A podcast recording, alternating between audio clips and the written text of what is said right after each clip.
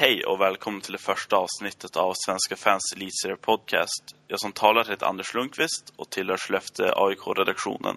Med mig har jag även två skribenter från Svenska fans som ska få äran att presentera sig själva. Hej, mitt namn är Stefan Löfstrand. Jag är redaktör för Färjestadsredaktionen här på Svenska fans. Jag heter Erik Brännström och är redaktör för Linköpings HC på Svenska fans. Och tanken är att vi direkt ska gå in på lockouten som i högsta grad berör elitserien just nu. Speciellt nu eftersom Modo har brutit överenskommelsen med de andra elitserieklubbarna. Vad tycker ni om det?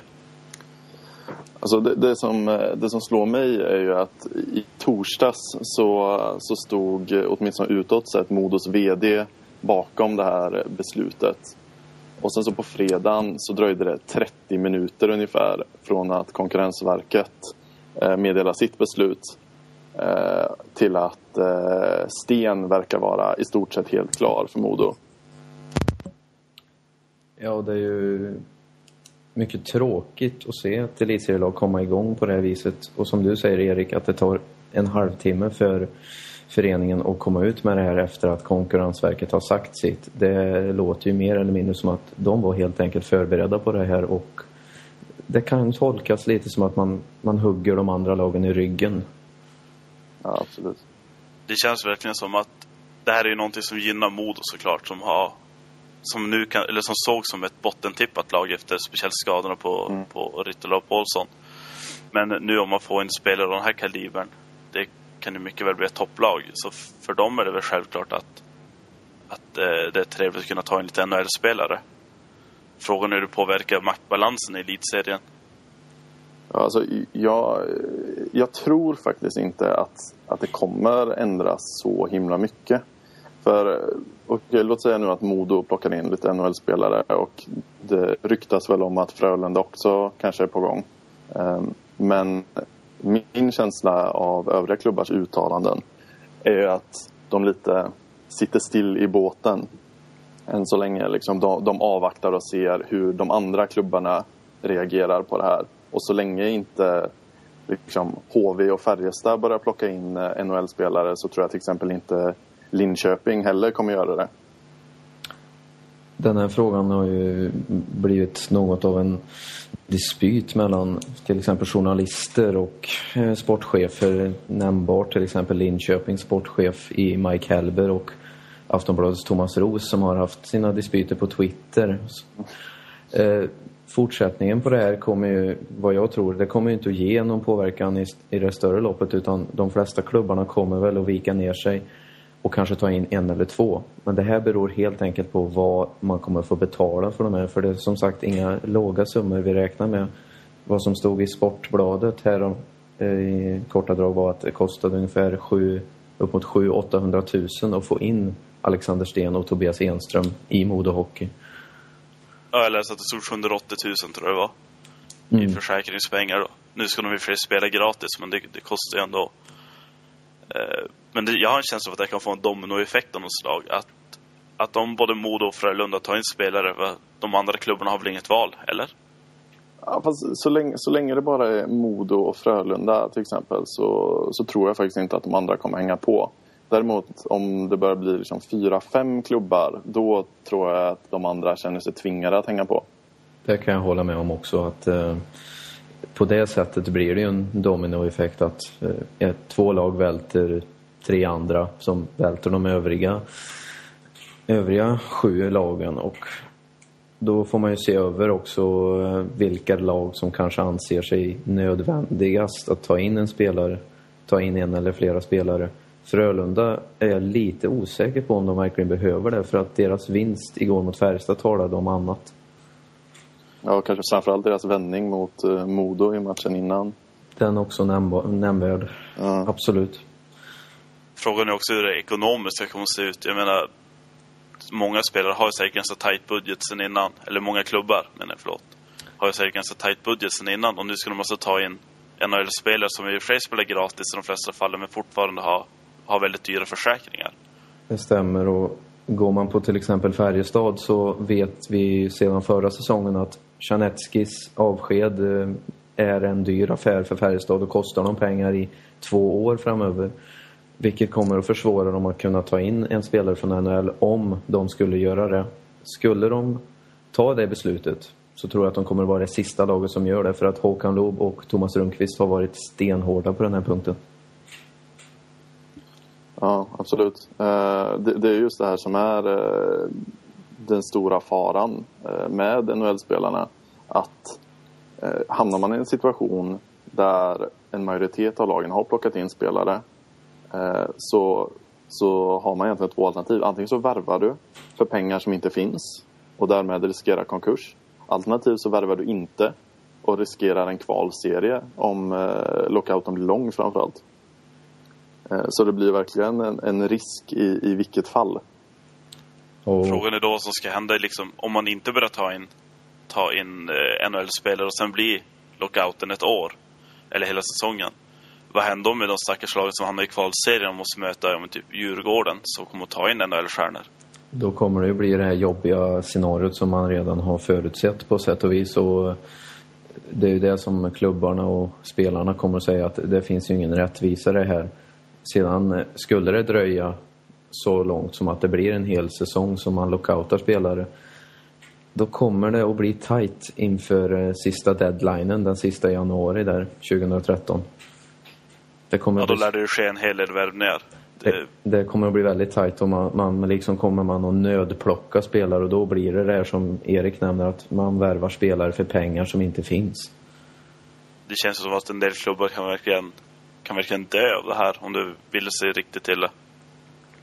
Ja, precis. Alltså, man kollar Frölunda, hur, hur mycket har de gått back de senaste två säsongerna? Det har varit tiotals miljoner. Ehm, och, och nu, nu har väl de fortfarande eh, väldigt tajt, så jag, så jag vet inte hur de har tänkt att få ihop det till exempel. Eh, vissa klubbar har det ju andra sidan ganska bra ekonomiskt. Färjestad och HV har ju, har ju rätt tunga skattkistor så att säga. Men eh, Linköping exempelvis har ju inte så värst mycket eget kapital. Eh, så där finns det inte så mycket att jobba med heller. Där kan man ju inte ta samma risker. Samma sak kan ju nämnas med de här lagen som anses lite...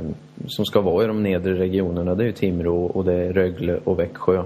Växjö ligger ju faktiskt på en massiv skuld till sin egen kommun på grund av förra säsongen som man ännu inte kommer att ha råd att betala det är de här lagen som kommer att få problem i slutändan, anser jag. Det, oh, ursäkta, det känns som att hela maktbalansen kan komma att rubbas. I lite, alltså, jag, jag tror det. Om, om det Frölunda till exempel, som enligt mig innan det här inte var ett, eh, ett av de absoluta topplagen. Men eh, om de får en spelare som Lundqvist till exempel, annat än SM-guld kan det ju inte finnas. Det känns ju som att hela tabellen kan ju vändas lite upp och ner. Sett till förra lockouten, om man skulle plocka in Lundqvist så eh, håller jag med dig. Alltså, ett SM-guld är ju det enda godkända i sådana fall. Det är ju någonting som föreningen verkligen behöver för att kunna betala av den skuld man har. Men jag tvivlar verkligen på, då blir det konceptet att en spelare gör hela laget. Det fungerar aldrig. Nej, alltså det är klart man kan inte förvänta sig att en spelare ska göra hela laget, men man säger ofta att en målvakt gör halva. Det gör det. Jag menar, om man tar in då Lundqvist som är ja, men kanske världens bästa målvakt just nu eh, och lägger han i elitserien, det känns som att det, det, skulle inte kunna ske något annat än ett SM-guld med ändå ett lag som är så pass bra som Frölunda. Det är ju sant, och, men då, då får man ju också undra man förlorar ju båda sina målvakter inför den här säsongen. Då får man ju också titta på hur mycket har de redan lagt ut på Hudacek och Galbraith. Det är också oansenliga pengar. Ja, som sagt den ekonomiska biten är väldigt, den är väldigt påtaglig. Alltså det, det finns ju in pengar och Frölunda som då kanske inte har den bästa ekonomiska situationen i elitserien kommer att sitta och värva för pengar som de som sagt inte har. Jag vet inte hur det kommer att funka riktigt. Man kan minst sagt säga att det kommer bli eh, väldigt spännande framöver att se vad som händer. Men sen så finns ju också risken att, eh, att om, om ett lag plockar in eh, ett antal riktigt vassa spelare och sen tar lockouten slut här om eh, tre veckor eh, och så har de petat bort eh, eh, duktiga up and comers så det är onekligen intressant att se vad, vad som händer då med deras lag. Så det är ju, det är ju en chansning, återigen, att plocka in spelarna. Det är det ju verkligen. Eh, tänk att man petar en, som du säger, en, en ny spelare som är på gång, liksom, en ung spelare, kanske kommit upp från J20-serien. Man använder pengar för att värva in en lockoutspelare. Den försvinner om tre veckor. Ja, då har du inga pengar kvar för att föda på den här J20-spelaren som du kanske hade tänkt att ha från början. Då blir det att man har tappat en spelare omedelbart och då måste man eh, prioritera hur... Och det här blir ännu värre jobb för tränarna som ska få spelarna på isen att prestera. Ja, alltså lagkemin kommer säkert kunna förändras en hel del om spelarna bara stannar i, om låt säga en månad. Att man måste kasta om i kedjorna konstant, man får aldrig någon... Alltså man får aldrig någon kontinuitet i det hela. Det, det är ett problem i sig. Det är, det, är ju, det är ju bara en av massvis av faktorer som bidrar till den här debatten som har dragit, dragit igång. Framförallt hos journalisterna som allt mer verkar skylla på att det är publiken som skriker efter NHL-spelare och av personlig erfarenhet så har jag inte märkt någonting utav det här. Det ska jag fråga, vad har ni för personliga åsikter om lockouten? Bra eller, eller inte lockouten men elitseriens eller Konkursverkets beslut av att ta in NHL-spelare? Är det bra eller dåligt? Jag, eh, min åsikt är att jag skulle faktiskt, jag struntar faktiskt i vad KKV säger. Jag vill inte ha hit NHL-spelare för att jag har sett Färjestads lagbygge under den här sommaren. Jag har sett flera lags eh, eh, trupper och deras uppbyggnad. Jag skulle tro på att elitserien klarar sig mycket bra utan NHL-spelare oavsett vart man hamnar i tabellen. Erik? Eh, jo, men jag, jag håller med. Alltså, det, jag tycker att det finns en, en, en osportslighet kanske i, i det här med lockoutspelare i och med att vissa lag har varit tidiga ute, värvat smart, eh, vunnit dragkamper om, om eh, duktiga spelare under sommaren. Och nu helt plötsligt så öppnas en, en helt ny marknad med jätteskickliga spelare. Ehm, så, så det sätter ju lite den här, den här klassiska eh, sportsligheten ur, ur balans. Samtidigt så kan jag väl tycka att det, det är väl korrekt att varje klubb får, får göra som de vill. Men eh, jag hoppas att de flesta klubbar låter bli att plocka in plockad spelare. Ja, jag håller med er här. Eh, det känns som det är väldigt, det är väldigt onödigt att ta in en spelare som... Hade det varit att lockouten, om man visste att det ska vara ett år, okej. Okay, då tycker man kan ta in dem. Men eh, nu då det är så osäkert så jag, jag, tror inte att det kan gynna klubbarna ifall det nu inte skulle bli ett helt år. Det känns som att eh, det medför mer problem än nytta. Mm. Speciellt ekonomiska problem som vi redan har tagit upp. Men eh, nej, jag tycker inte det känns riktigt rätt.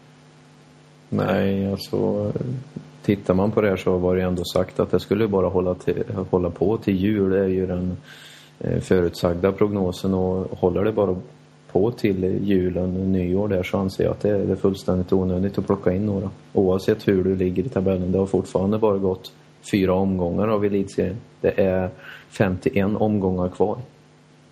Ja, alltså det, tabellen just nu säger ju ingenting. Precis. Det, eh, det är ju det är kul att ta poäng, men det, det berättar ju ingenting om hur det kommer att se ut sen i, efter jul till exempel bara. Mm. Så att, eh, nej, jag tycker att ja, sagt, konkurren Konkurrensverket gjorde väl rätt som upphävde det, men eh, nu tycker jag att klubbarna ska gå ihop och kollektivt stoppa stoppa eh, NHL-intaget av spelare. Bara. Det, så enkelt är det. Ja. Det enklaste är väl helt klart om, om NHL kan eh, dra igång ganska snart så, så slipper vi problemet överhuvudtaget. Ja, det vore väldigt skönt att få se lite NHL-hockey också samtidigt. Ja, precis. Ja, det är ju egentligen också någonting som man har gått och laddat för under sommaren efter eh, Los Angeles vinst i Stanley Cup-finalen. Det är att man vill, man vill ju få igång säsongen så fort som möjligt. Ja, jag har sett fram emot det där, men ja, nu blir det inte så än i alla fall. Nej. Då är det dags att byta ämne. Eh, vi har ett ämne som vi pratade om mycket i fjol, allmänt. Eh, och det är tacklar mot huvudet. Det kommer förmodligen att pratas mycket om det i år också. Eh, det känns som att det är ett evigt återkommande ämne. Vad är, eh, det, är, har vi, det var otroligt mycket hjärnskakningar, men eh, vad, vad beror det på egentligen? Ja, alltså man talade om förra året var ju ibland att man utbildade spelare för dåligt och för mig är det ju en, det är en godkänd tanke. Jag kan köpa den. Men man spelar ju ändå ishockey från 5-6 års ålder. Jag tror inte att man egentligen har så dålig utbildning. Det är ju, det är ju i sådana fall att man kanske borde se över vilka det är som lär ut det här. Och kanske ta, ta över lite insikter från NHL. Men i övrigt så eh, vet inte jag riktigt vad, vad som är problemet. Nej, men alltså det har ju onekligen varit väldigt mycket hjärnskakningar. Eh, och det, det är ett problem. Från när det handlade om, alltså är spelet för hårt? Är det för dålig respekt för varandra? Är regelverket felaktigt? Var, vars, vars är roten till problemet?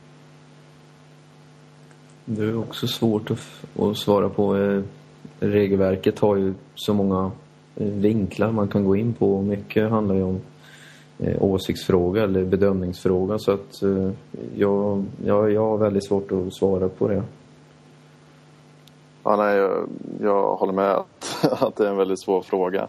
Eh, jag eh, kan personligen tycka att det har varit lite, lite tudelat. Det har både varit de spelare som har delat ut vårdslösa tacklingar. Eh, men sen så tycker jag mig också ha sett över de senaste säsongerna att, att vissa spelare liksom utnyttjar det här att till exempel vända upp ryggen mot sargen precis innan tacklingar och sådär. Eh, som, som är liksom, det är ju respektlöst det också. Ehm, du, du så, tänkte som ett skydd då för att inte behöva ta en tackling eller? Ja, eller liksom att kanske som ett skydd men kanske också för att få till en utvisning eller liknande. Alltså, jag tror att man måste jobba både på de som så här, busarna eh, och, och de andra spelarna. Alltså det, det handlar inte alltid om de som delar ut tacklingarna. Det handlar ju också ibland om de som får tacklingarna. Dels med att de kanske bjuder in till dem eh, genom att liksom söka utvisningar. Men också genom att eh, ja, det här klassiska heads-up-argumentet som kanske dras lite för långt ibland kan jag tycka. Men, men ändå, det finns ju ett ansvar hos alla kan jag tycka. Alltså är man tacklingsbar spelare så måste man ju vara medveten om att man kan få sig en tackling. Ja, eh, precis. Då, det var ju lite det som hände på ja, Pontus Petterström då Skellefteå-Luleå mötte varandra. Då han fick mm. en tackling av, av Hedman där.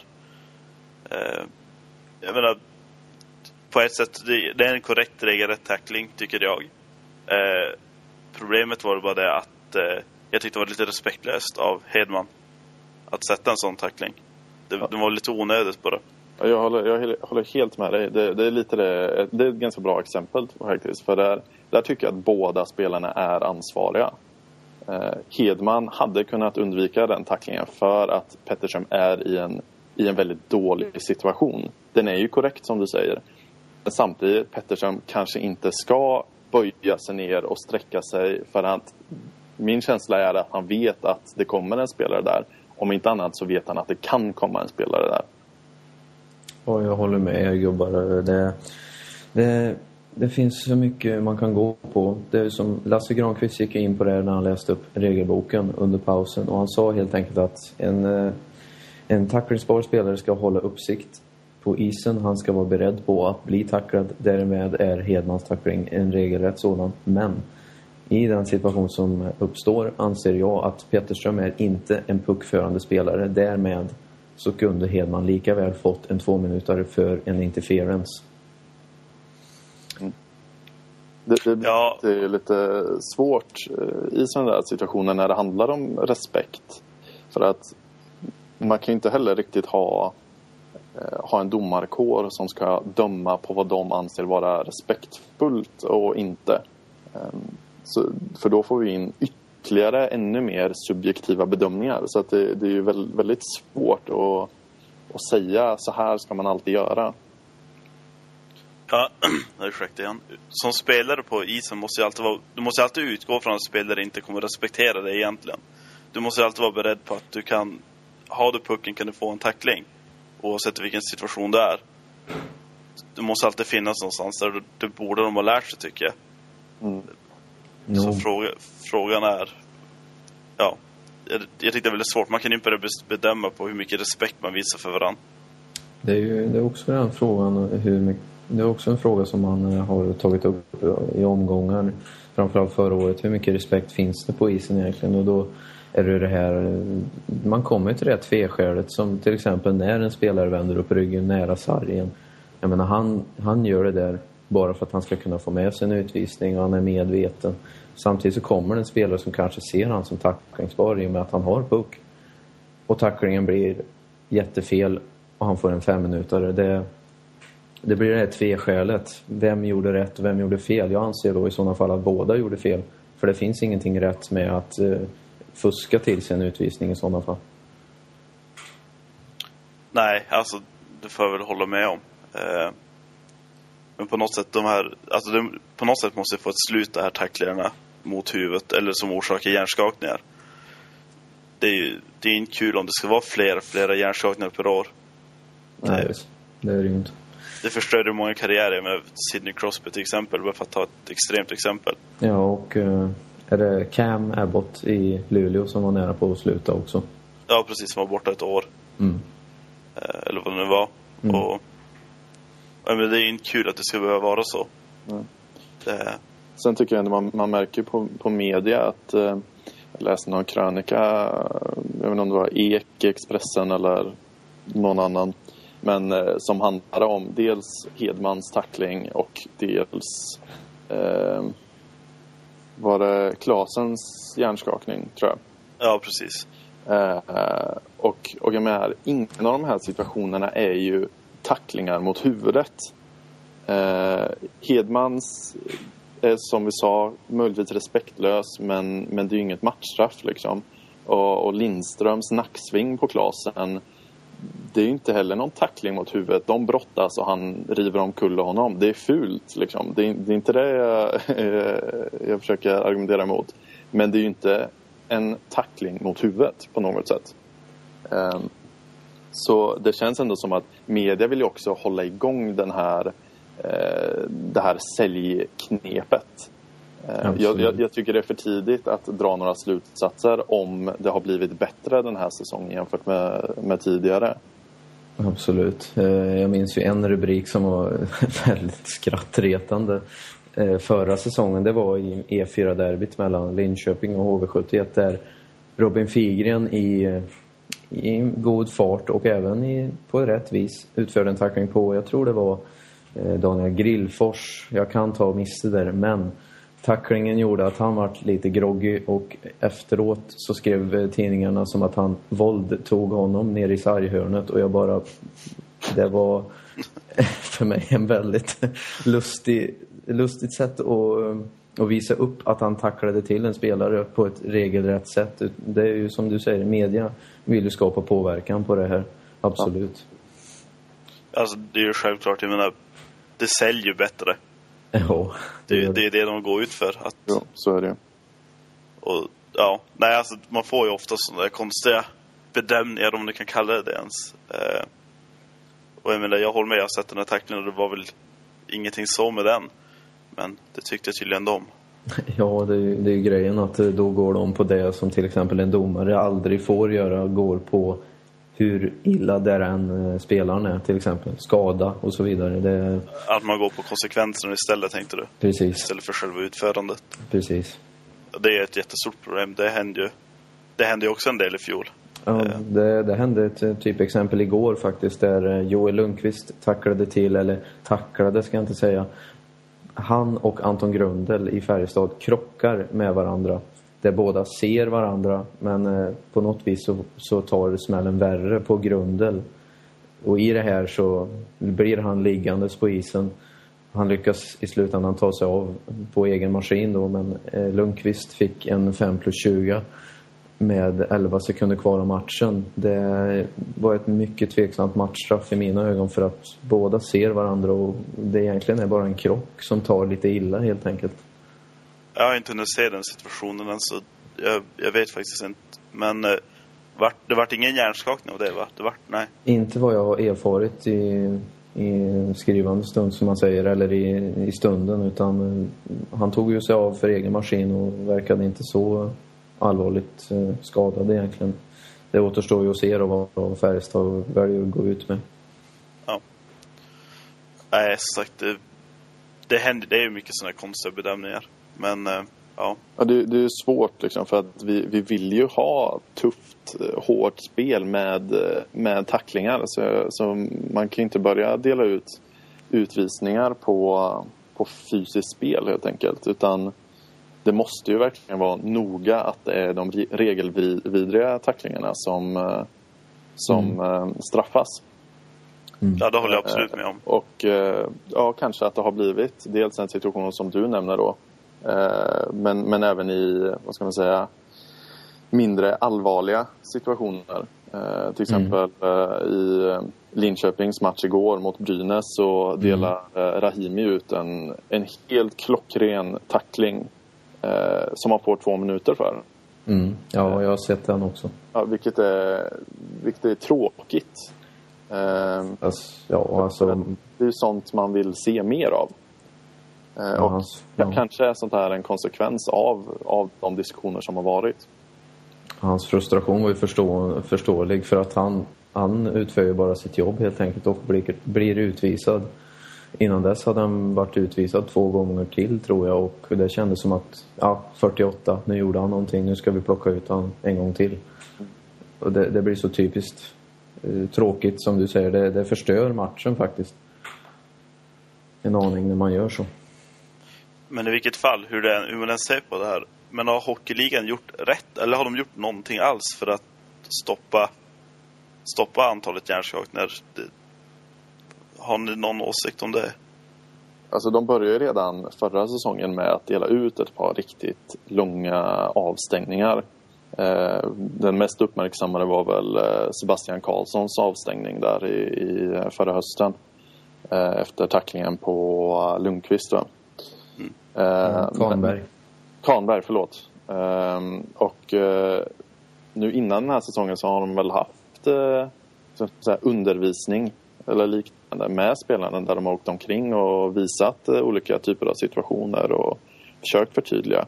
Och som sagt, jag tycker det är för tidigt att säga att eh, tacklingen mot huvudet fortfarande är samma problem. Eller liksom, vi kan inte bedöma den här säsongen än.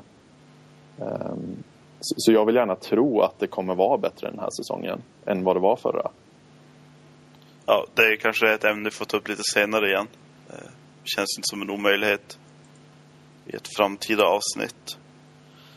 Så vi går vidare till sista punkten, eller är det något mer som vill tillägga något på, på tacklingarna?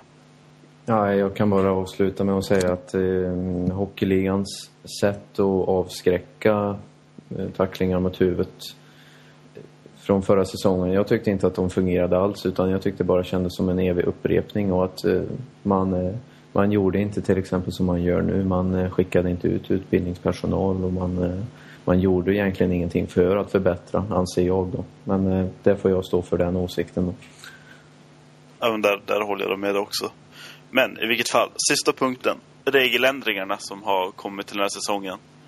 Eh, 20 extra kvadratmeter i offensiv zon framför mål, sparka pucken i mål och att spelare får stå i målgården. Vad har ni för, för åsikter om det? Jag vet inte om vi ska börja med, med anfallszonen. Ehm, jag tycker det är, det är ett bra initiativ. Ehm, eh, men eh, det jag kan känna är väl att det hade gärna fått ske på bekostnad av mittzonens storlek kan jag tycka. Ehm, för händer det någonsin något, något spännande i mittzonen egentligen? Det är bara, det är bara dödtid i mittzonen. Jag hade hellre sett eh, mindre mittzon och ännu större anfallszoner, eh, likt NHL.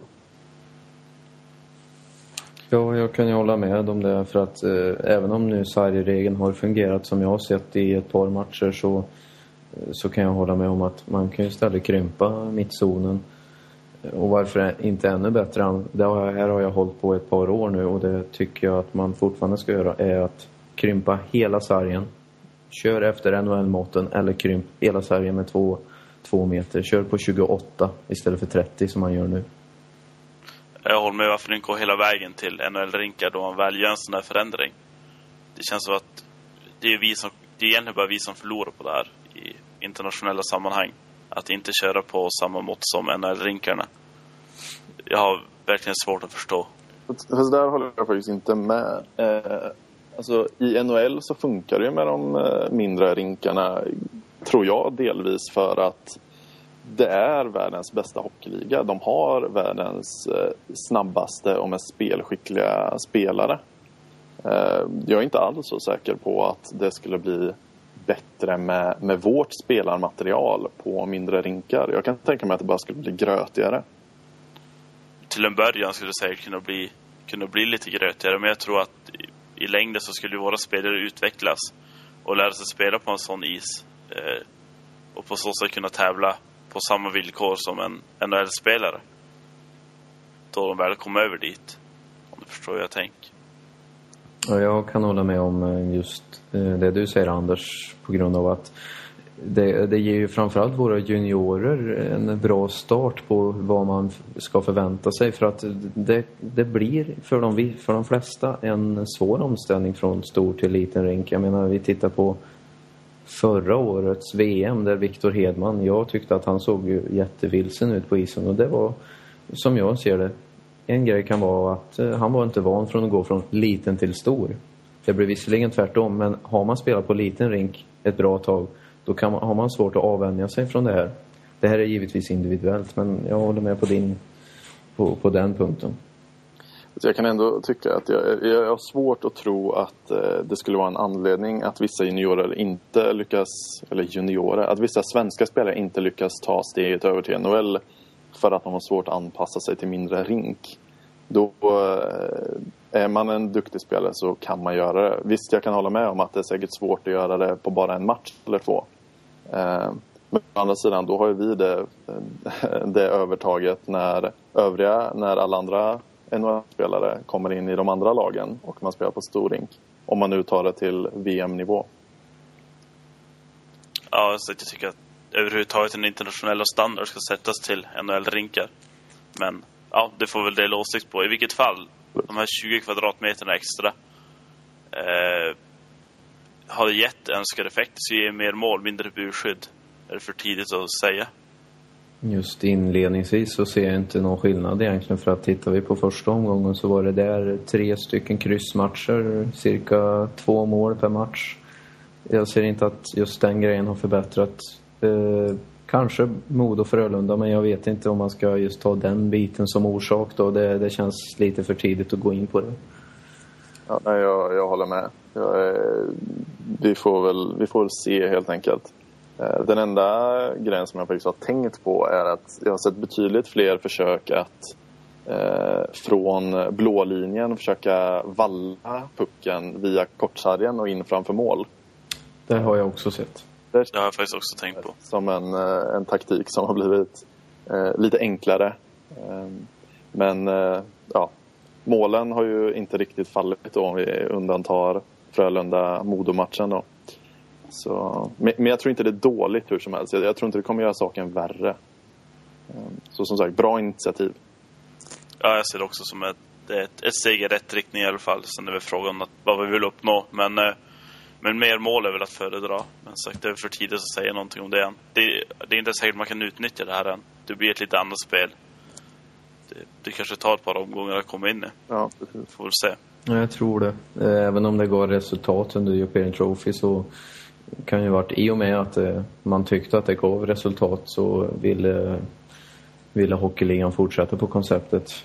Eh, nu har det väl kanske visat sig lite annorlunda men som sagt det, är tidigt på säsongen och jag, jag tror att det kan utvecklas och, och, bli det här som många vill ha. Man vill ha fler mål helt enkelt. Då tar vi nästa regel, att man nu får sparka pucken in i mål. Eh, åsikter? Ja, ja, ja, förlåt. Kör du. Okej. Okay. Eh, först och främst, får man verkligen sparka in? Jag tycker Hockeyligan har gått ut ganska rejält. Domarkåren har gått ut och sagt att det får man faktiskt inte alls. Eh, med, tar man exemplet som blåstes upp här, målet i första omgången var det va? Eh, du tänker på Färjestad HV va? Ja, precis. Var det Fast som... Jesper Fast, ja. ja. Precis. Eh, alltså det målet, jag är inte alls säker på att det inte hade varit godkänt förra säsongen ens.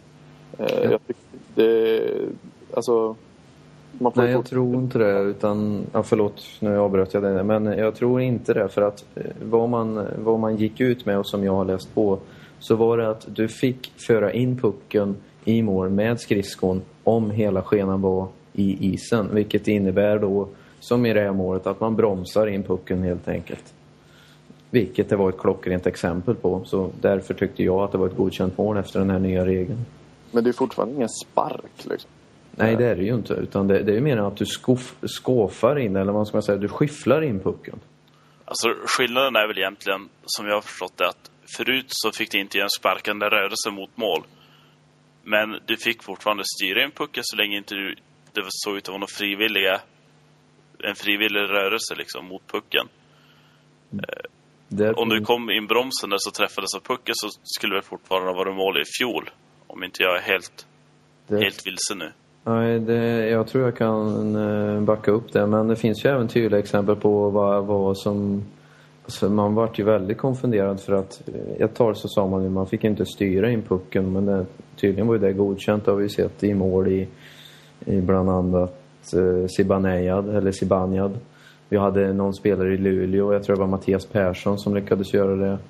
Jag vet inte riktigt. Eh, det, det känns så konfunderat. Jag själv står för min åsikt. Jag tycker att man ska inte tillåta det överhuvudtaget.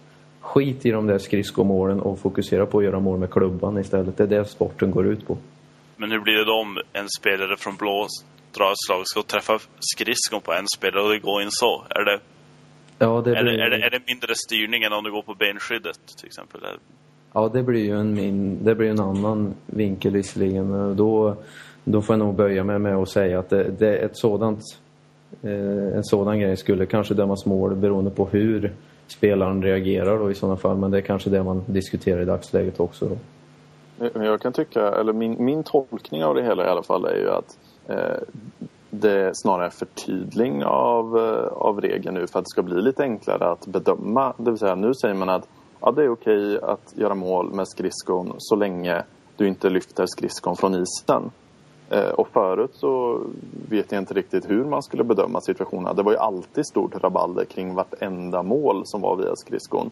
Nu tänker jag att det kanske är lite enklare. Okej, var skridskon... Lyfte han någonsin skridskon från isen? Nej, okej, då är det mål. Bra.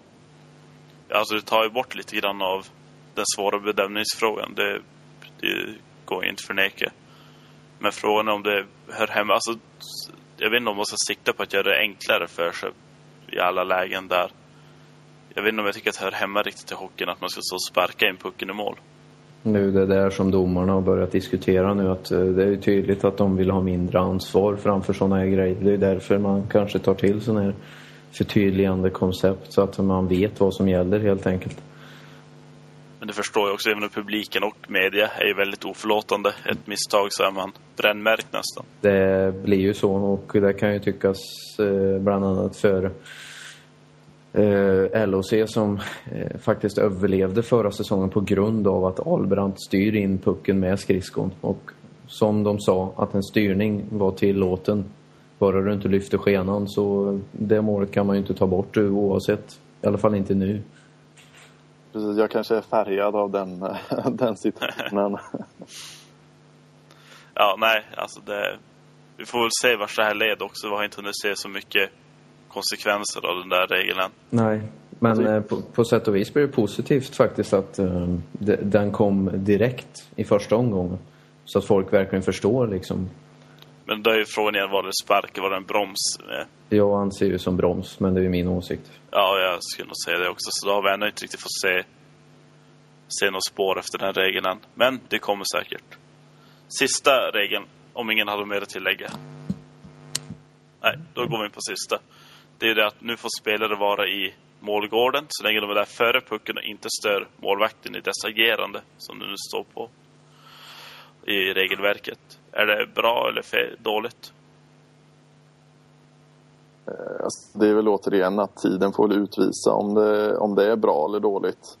Ehm, jag kan tycka att rent principiellt så är det väl bättre att göra bedömningen på om målvakten störs än, eh, än att bedöma om man råkar ha skridskospetsen innanför linjen eller inte.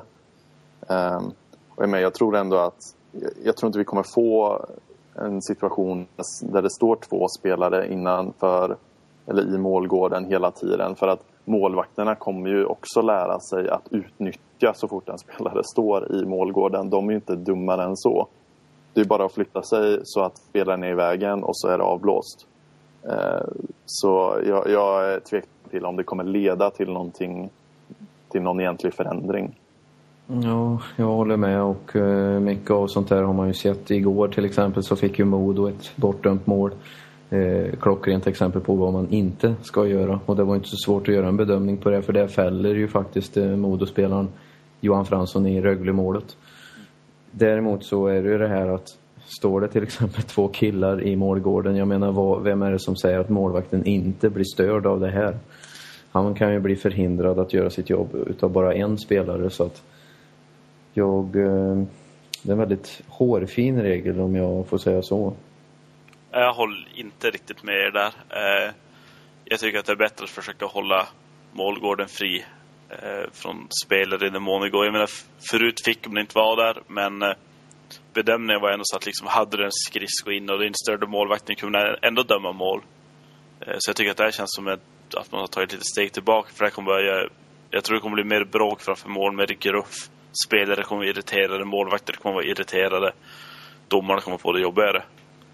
Det kommer de nog definitivt och på det viset så blir det att man altar fram och tillbaka. Jag, eh, den här regeln togs ju upp för ett par år sedan och sen lades ner direkt i stort sett så att jag förstår inte varför man tar fram den här hela tiden. Håll er till en grej hela, nej, håll er till en grej så får det vara nog helt enkelt. Ja, ursäkta, det känns som att den där regeln skulle man lika gärna kunna skippa enligt mig.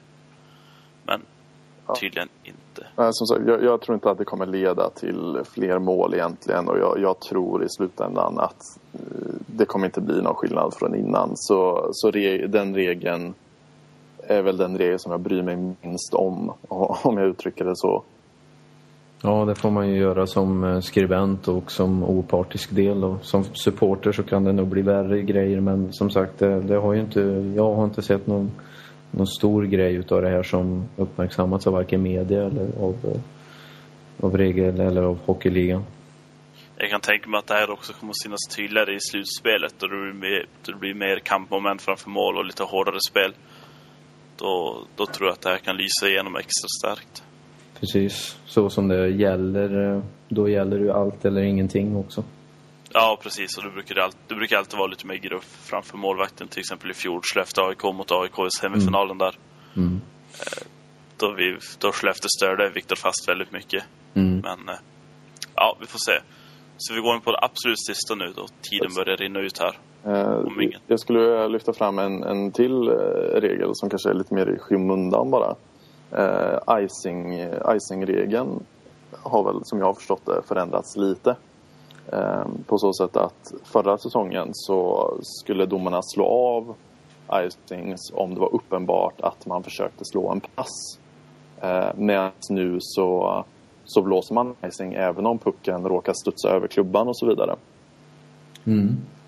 Ja, det är ju ändrat till år. Ja. Frågan är varför, varför gör man inte bara touch icing? Ja, det är precis vad jag, vad jag skulle vilja komma till. Alltså, fler icing-avblåsningar är väl tvärt vad, vad vi vill ha i ishockeyn. Ja, det var ju därför man tog till den där regeln som man sa att hoppar pucken över klubban då ska man inte blåsa av. Det var ju därför man tilltog det. För att det skulle bli färre avblåsningar. Ja. Men det det medförde var ett till bedömningsmoment för domarna, vilket ju, ja, det gör deras jobb svårare. Så att men, eh, men sagt, om man skulle ha touch icing istället så skulle man ju ta bort både den spelförstörande delen av icingar och domarnas bedömningsfråga. Det, skulle, det känns som att alla ska tjäna på det. Jag vet inte. Ja, absolut. Mm. Så, då kör vi sista, sista punkten nu då. Tiden börjar ta slut här. Eh, vi tänkte avsluta med topp och flopp från var och en av oss. Och jag tänkte att jag börjar.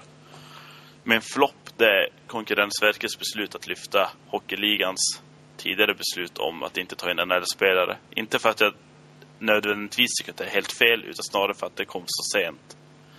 Och min topp, det är faktiskt Rögles matchställ. Eh, jag blir väldigt nostalgisk när jag säger det där. Det tyckte I början tyckte jag det var jättefult, men jag började... Nej, jag, jag ser en charm med det där nu. Ja, jag kan väl fortsätta då och eh, jag kör som Anders. Jag börjar med min flopp. Eh, tjatet angående lockouten och alla elitserielagens beslut att inte vilja ta hit NHL-proffsen. Om man räknar bort Frölunda och Modo som vi nu uppmärksammade under veckan. Jag anser det som det är klubbarnas beslut, det är deras val och låt det vara så. Vi gråter inte för att NHL inte tar in våra proffsspelare då och då. Min topp eh, landar hos Luleå. De har inte förlorat en match sedan European Trophy och jag tycker det ser väldigt bra ut. Det, eh, Rönnqvist har fått igång manskapet på ett bra sätt och man ligger i toppen av tabellen som man ska göra.